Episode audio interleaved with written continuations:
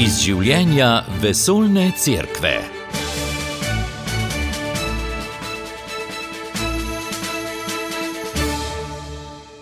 Drage poslušalke, spoštovani poslušalci, lepo pozdravljeni. V tokratni oddaji boste izvedeli, v katerem kraju blizu nas se bo poleti mudil papež.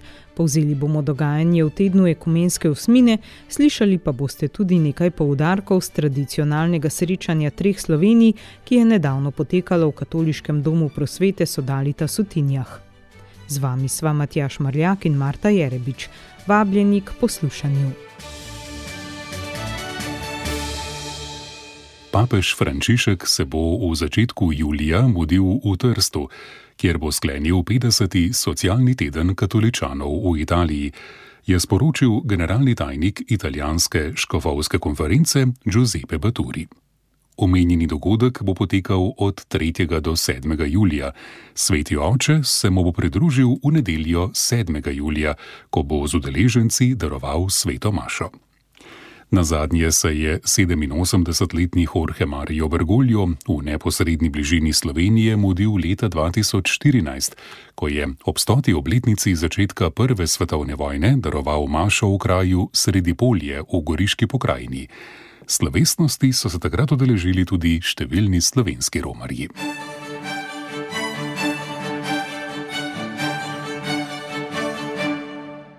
Papež Frančišek je kot običajno na praznik spreobrnenja svetega Pavla z večernicami v baziliki svetega Pavla zunaj obzidja sklenil teden molitve za edinost kristjanov. Pri slovesnosti se mu je pridružilo tudi več kot 50 anglikanskih in katoliških škofov iz 27 držav, ki bodo jutri končali ekumensko srečanje in romanje z naslovom Rasti skupaj. Papež Frančišek in kanterburski načkov Justin Welby sta ob tej priložnosti škofe v dvojicah poslala in pooblastila naj bodo pričevalci krščanske edinosti.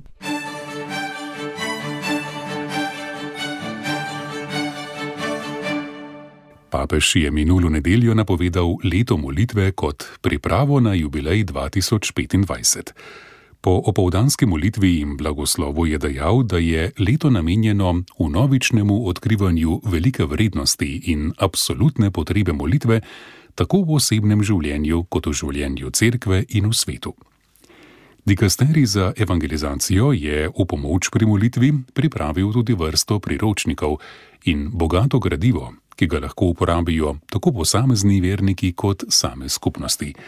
Med drugim je na voljo 38 katehes papeža Frančiška o molitvi, ki jih je imel od 6. maja 2020 do 16. junija 2021. Vatikanska založba bo v naslednjih mesecih objavila osem kratkih besedil, ki raziskujejo različne razsežnosti krščanske molitve in so jih napisali mednarodno priznani avtorji. Prva knjiga, ki je išla v italijanskem jeziku, je delo kardinala Angela Comastrija z naslovom Moliti danes izziv za zmago. Besedilo, ki obsega 110 strani, govori o potrebi po molitvi in učenju, da bi osvojili drugačen pogled in drugačno srce. Pričemer Komastri, ki danes velja za enega najvidnejših piscev o duhovnosti, izpostavlja osebnosti, ki pričujejo o rodovitni molitvi, kot so sveta Terezija iz Lizijaja, sveti Frančišek Asiški in mati Terezija iz Kalkute.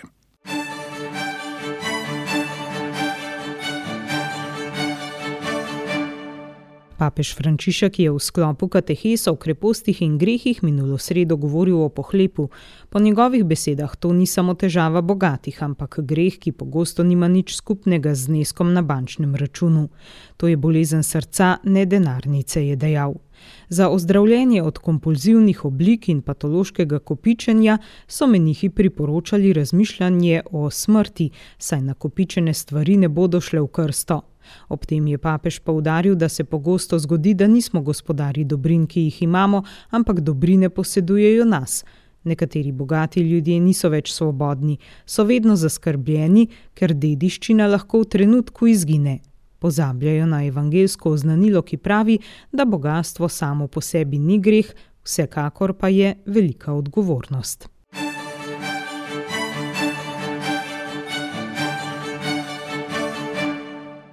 V sredo je godoval sveti Frančišek Saleški, zavetnik katoliških novinarjev. Papež se je ob tej priložnosti že v ponedeljek srečal s člani Mednarodnega združenja novinarjev, akreditiranih pri Vatikanu. V nagovoru zbranim je podaril, kako je lepota njihovega dela ob Petru v tem, da je utemeljeno na trdni skali odgovornosti v resnici in ne na krhkem pesku govoric in ideoloških branj. Pozval jih je naj podobe cerkve ne izkrivljajo stereotipi, naj jih ne kategorizirajo na zabavne in politične. Zahvalil se jim je za njihovo delikatnost, s katero pogosto poročajo o škandalih v cerkvi. Mednarodno združenje novinarjev trenutno šteje 250 članov. Na audienco s papežem jih je prišlo približno 150. Dogodek pa je potekal v ozračju, ki se je ustvarilo ob skoraj 40 mednarodnih apostolskih potovanjih svetega očeta. Ta se je zato novinarjem opravičil za trenutke, ko zaradi novic povezanih z njim niso mogli biti s svojimi družinami, se igrati z otroki, preživeti časa z možem ali ženo.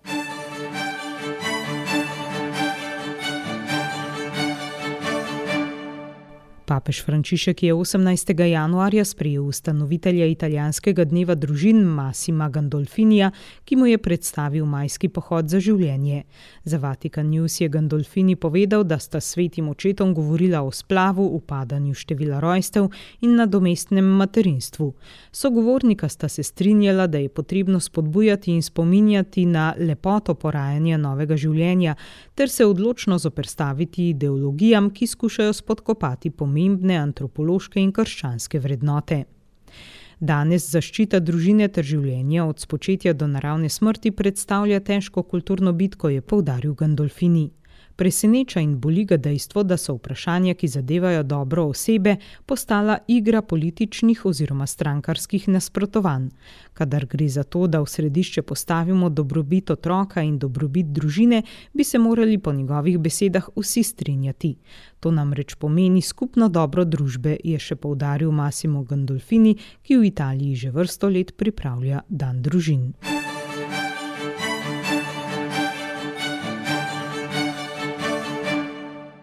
Vatikansko pritožbeno sodišče je v torek na dve leti in pol zapora obsodilo 31-letnega duhovnika Gabriela Martinelija, ker je kot najstnik v predsemenišču svetega Pija X. v Vatikanu spolno zlorabljal mlajšega fanta. To je prva obsodba v Vatikanu zaradi spolne zlorabe. Zlorabe so se začele leta 2007, ko je bil Martinelli star 14 let, njegova žrtev pa 13. Mlajšega fanta je spolno zlorabljal vse do leta 2012, ko je bil Martinelli star 19 let. Na prvi stopnji je bil oproščen vseh obtožb zaradi pomankanja dokazov.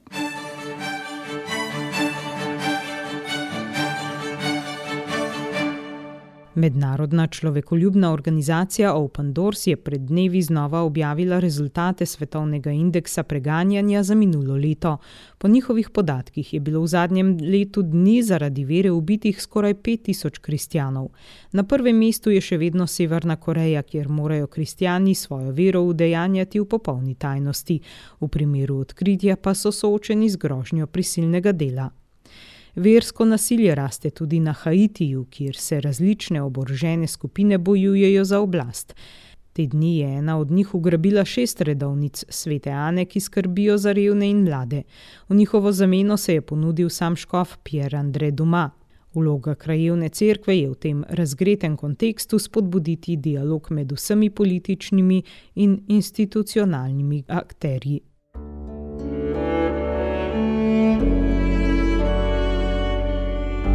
Poslušate podcast Radia Ognišče.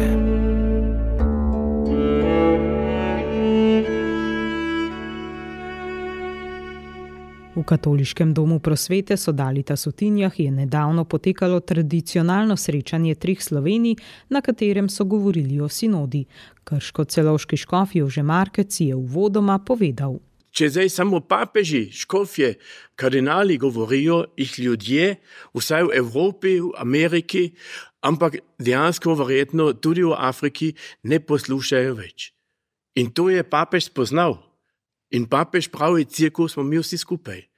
In če se cirkus preminja in prenavlja, potem jo mi pre, prenavljamo. Mi vsi skupaj. Obstaja to, kar, kar smo že prej poznali, en senzus videa, ne? To, to, kar vsi čutimo, vse skupaj je, je vera, je naša krščanska vera in tudi katoliška crkva. No, in, in to, to, je pa, to je pa eksperiment, to je nekaj novega. To, tega še tako nismo imeli v zgodovini. In zato tudi ne gre tako dobro, ne?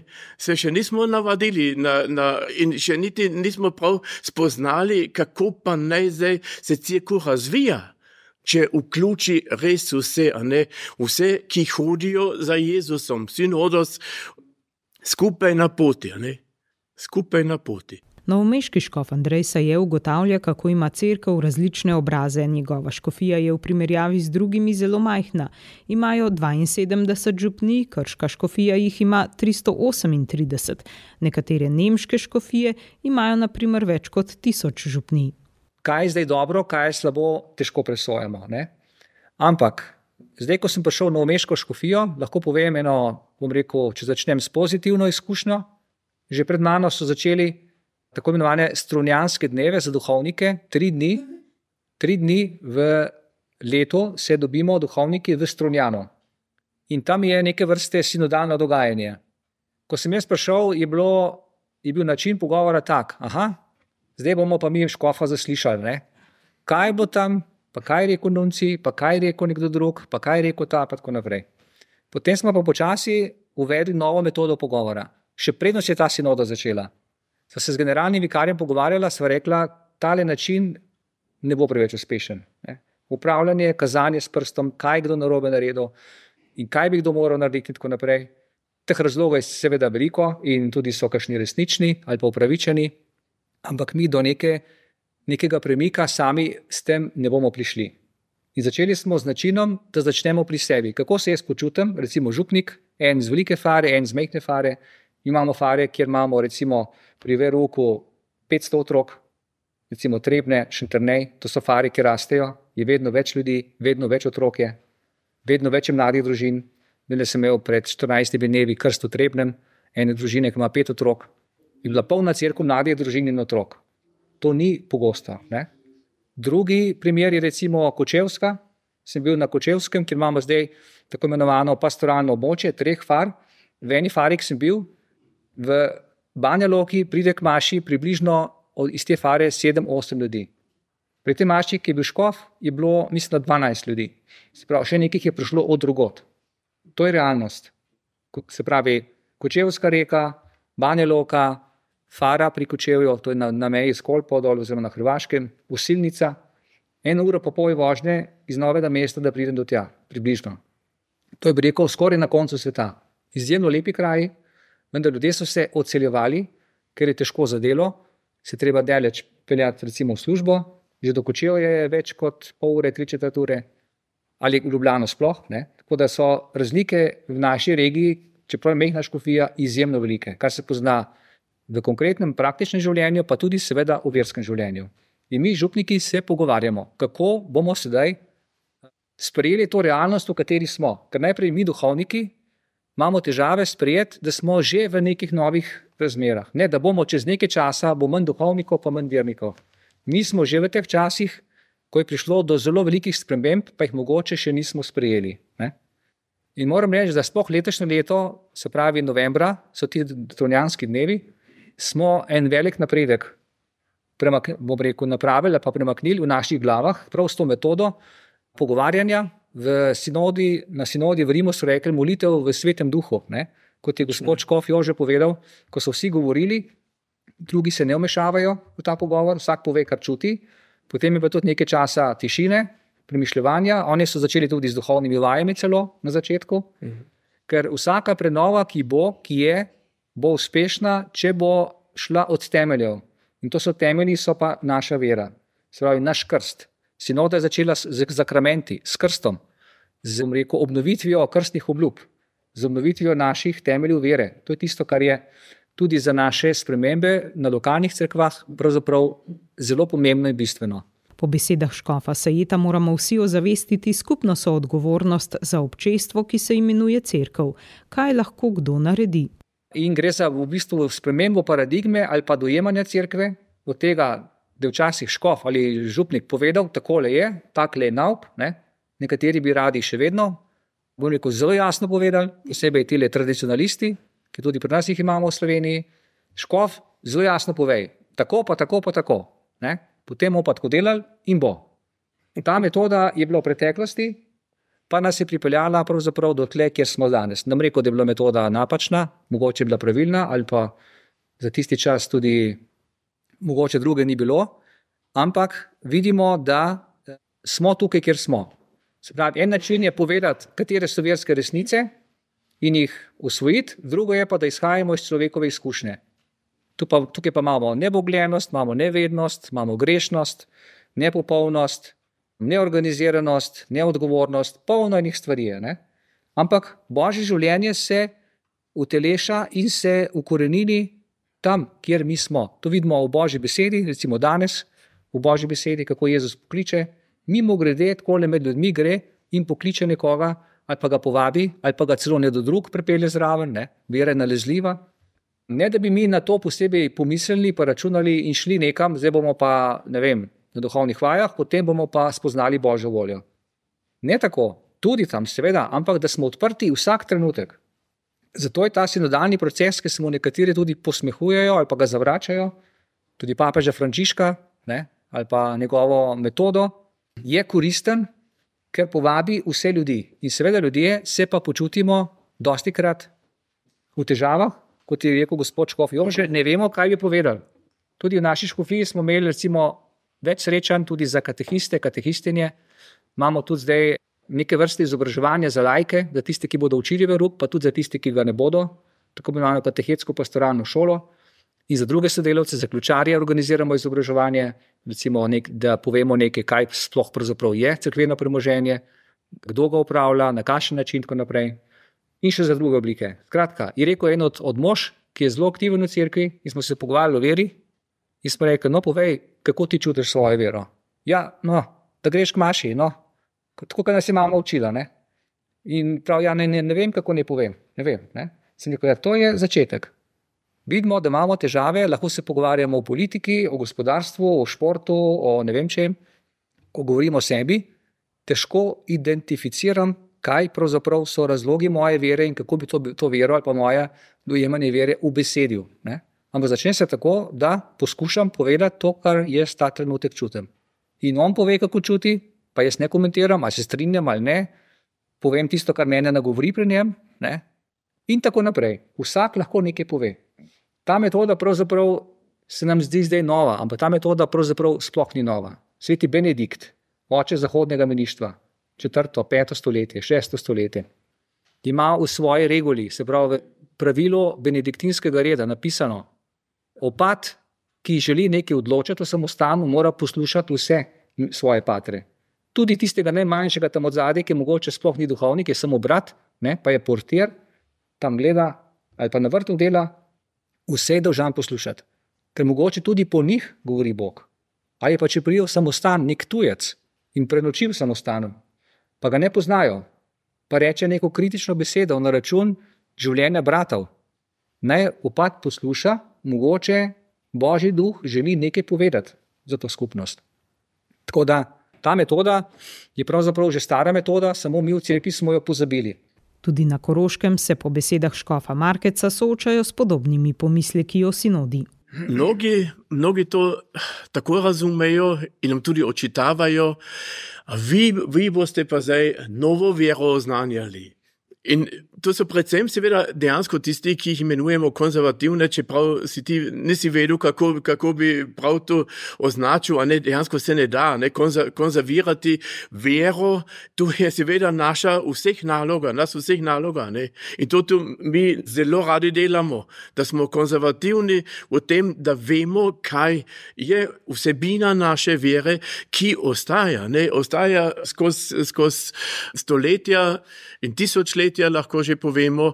In jaz vedno rečem, ja, vera naša začne se pri Jezusu. Če, če jo iščemo, moramo najprej pogledati tudi v današnjem času v evangelije. In potem pa, če Pavla beremo, pa že vidimo, kako je Pavel skušal to razumeti, skušal to z, z, svojimi, z svojimi besedami povedati in pa v tisti prostor, v katerem je on delal in on je zelo veliko hodil po svetu, ne, ravno v tisti prostor je skušal tisto, kar je od Jezusa vedel in apostol oziroma evangelisti, apostoli, tisti, kdo kar so videli in sami izkusili, tja, tja nekako predstaviti, ne, ker so ljudje. In to, to so naše dogme. Ne. Dogme so nekaj zelo dobrega, ker je vsak čas, v vsakem stoletju so več, večkrat imeli sinode in, in koncile in so skušali tistim ljudem, ki so tedaj živeli, pojasniti to, kar je jedro naše vere in to je pa, to je pa Jezus Kristus. Ne? To je lahko trinitarsko povemo, to smo včasih, saj nekatere, nekateri krogi malo pozabijo, da imamo tudi Boga stvarnika, in da je Sveti Duh tisti, ki nas navdušuje, ki nam daje tiste besede, ki jih potrebujemo, da v določen čas in prostor nekako skušamo oznaniti tisto jedro naše vere. To se pravi, ne gre za kaj, ne gre za vsebino. Ta se ne spreminja, ne? čeprav se z drugimi besedami pove, gre za kako, kako danes živeti krščansko tradicionalisti poudarjajo predvsem Tridentinski koncil, leta 1563 se je končal in da so oni varuhi tradicije, pravijo. Ne? Cerkev pa izhaja iz apostolskih časov, izhaja še iz prejšnjih časov, ima korenine v judovstvu in v starih kulturah. In cerkev pravzaprav je, izhaja iz tradicije in je varuh tradicije. Katoliška cerkev je varuh tradicije, vendar ne živi v preteklosti, iz te tradicije živi danes za jutri. Ker bistveno je, da mi se spominjamo tega, kako je bilo, da vrednotimo življenje, ki je bilo, recimo, naše življenje, ne vem, za desetletje nazaj, kako smo prišli v ta čas, v katerem smo, potem da pa pogledamo na jutrišnji dan, naredimo prognoze, kaj se bo zgodilo, vendar vso pozornost usmerimo v čas, ki ga mi živimo sedaj. Sedaj je čas, ki se imenuje Kajros, milostni čas, ki nam je dan, da ga sooblikujemo. Bog še vedno ustvarja svet preko našega sodelovanja, če tako rečem. In mi smo sodelavci zraven. Nismo tisti statični opazovalci, ampak smo soustvarjalci. In ta soudeležba, o kateri je govora, je tisti poudarek, ki je pravzaprav za sinodalno dogajanje pomemben in bistven. In tudi v naši škofiji bomo sedaj po manjših skupnostih razpravljali o nekaterih teh vprašanjih, ki so zdaj predlagani ali pa so bili nekako identificirani v prvem delu sinode.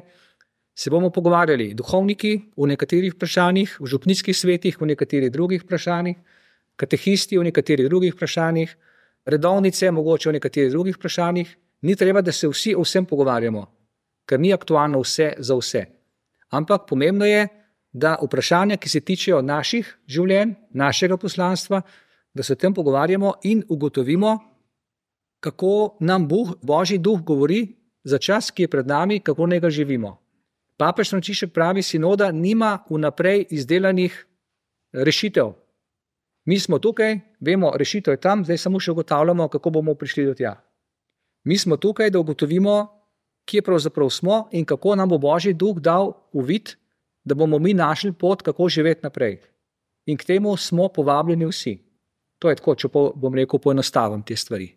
To, da smo, kot rečemo, v krizi danes in nekatere to hromi, rečejo, mi smo v taki krizi, kot bi naložili nekomu preveč tovora in ne more stopiti naprej. Ne? Ali pa avto, ki ne more potegniti, ker je preveč obložen. Torej, krize so v cerkvi vedno bile, še veliko hujše krize, kot so danes. In je cerkev vedno je šla naprej, ker cerkev je božja ustanova, ne temelji na človeški pameti. Tudi papeži so ga kaj pokronali in pa škofje. Se pravi, na različnih ravneh so bile v zgodovini narejene kakšne napake, ampak crkva je preživela, ker je božja ustanova in bo preživela tudi te čase. Škofsa je, je izpostavil tudi pomen dialoga. Na novo se podarja, ker je v bistvu zamrl, ker je bil ta dialog doskrat bolj v smislu prepričevanja. Ne? En govori, drugi pa posluša. Dialog pomeni, pravi papež Janez Pavel II v encikliki, pomeni, da jaz vstopim v njegovo notranjost, ne? da ga spremem kot brata, da ga poslušam, da delim svoje življenje z njim, ne? da se med nami vzpostavi odnos, to dialog, ne kdo bo koga zdaj, kdo bo močnejši. In v sinodi je tudi ta, bom rekel, skušnjava velika zdaj, posebej v nekaterih delih sveta. Strah na eni strani, aha, zdaj bodo pa verniki, recimo v Nemčiji, ki so zelo močni, bodo pa zdaj, ne vem, prepričali Vatikan, da bo zdaj spremenil neke strukture crkve, potem bo pa v redu. Papež pravi, ja, tudi strukture treba spremeniti. Pravi pastoralno spreobrnenje, ne samo osebno spreobrnenje posameznika. Pastoralno spreobrnenje v smislu crkvenih struktur, da mi vidimo stavbe, hierarhija, organizacija v cerkvi, ali to odgovarja potrebam evangelizacije danes. Ne? In prvi odpor, ki je bil, je bil v Rimu, v Vatikanu. Ne, to pa ne. Mi bomo tukaj in bomo povedali, kako ne drugi delajo. Ne, pa pač pravi, tudi mi moramo rimsko kurijo prenoviti. Ni nujno, da je tako v redu, kot je. Mogoče je v redu, mogoče pa kakšna stvar treba spremeniti. In isto je na lokalni ravni. Tako da ta sprememba gre v večjih smereh. Torej, vprašanje o Bogu, to je ključno vprašanje za prihodnost. Kaj meni pomeni vera? Kakšno vlogo igra Bog v mojem življenju? Ko sem se srečeval no, pred novim letom z našimi levimi, tako imenovanimi levimi politiki, so mi tri rekli: Veš, jaz sem, pa, jaz sem pa levica. V smislu, vi ste desnica, mi smo pa levica. Sem rekel: Ne, mi smo levica in desnica. Cerkev je, vključuje ene in druge. Ne? Ja, ampak tako, ne? na distanci. In oni so rekli: Mi ne bomo šli v cerkev, ker to pomeni, da se poj strinjamo z njimi. Ne? Sem se pogovarjal z nekaterimi iz SD-ja, naprimer. Ne? In mi je tako zadržano gledal, ko sem ga pohvalil, da se tiste stvari, ki dobro naredite. Je rekel: A resno misliš ti? Sem rekel: Ja, resno mislim. Pohvalim, mi vas podpiramo za vse tisto, kar je dobro. Tudi če je stranka SD. Pa me tako gleda: A ti resno misliš? Sem rekel: Resno mislim. Ampak oni se počutijo tako, da je crkva pa zdaj nekje na desnici in da mi ne sodimo zraven. Ne bodo prišli k maši, ker to pa ne zgleda. Jaz sem rekel: Vera ne postane normalna stvar. Če ni doveren, ne pride k maši in naj ne bo to problem. Zdaj smo imeli recimo maše po televiziji in so nekateri nekaj hoditi k maši, ki imajo probleme v službi, ker jih vidijo na televiziji in imajo probleme v službi zaradi tega. A je to normalno? Po 30 letih demokracije. V Sloveniji ljudje se bojijo povedati ali pa pokazati, da so verni. Se kot to v normalnem svetu zahodne demokracije, to ni normalno. Vera je nekaj pozitivnega, prinese nekaj, doprinese, da se človek lahko bolj uresniči, da je bolj pošten, da je bolj delaven, bolj solidaren in to je koristno in pozitivno za družbo. In to ne more biti nekaj negativnega. Nekaj negativnega je lahko za tiste, ki imajo negativno miselnost iz preteklosti, ker je bila vera negativen element in je treba izključiti iz družbe. To je izkušnja, recimo, še, ki je zelo aktualna, ki mogoče teoretično ni, ni zaznana, ampak v praksi je pa to zelo evidentno. Slišali ste nekaj odlomkov srečanja treh Slovenij, ki je nedavno potekalo v Tinjah. S tem smo tudi pri koncu oddaje, ki sem jo pripravila Marta Jerebič. Želim vam lepo nedeljo. Poslušali ste oddajo iz življenja vesoljne cerkve. Ponovno ji lahko prisluhnete v našem audio arhivu. radio.ognisce.si Hvala za poslušanje. Podprite brezplačen dostop do naših vsebin in postanite prijatelj Radia Ognišče.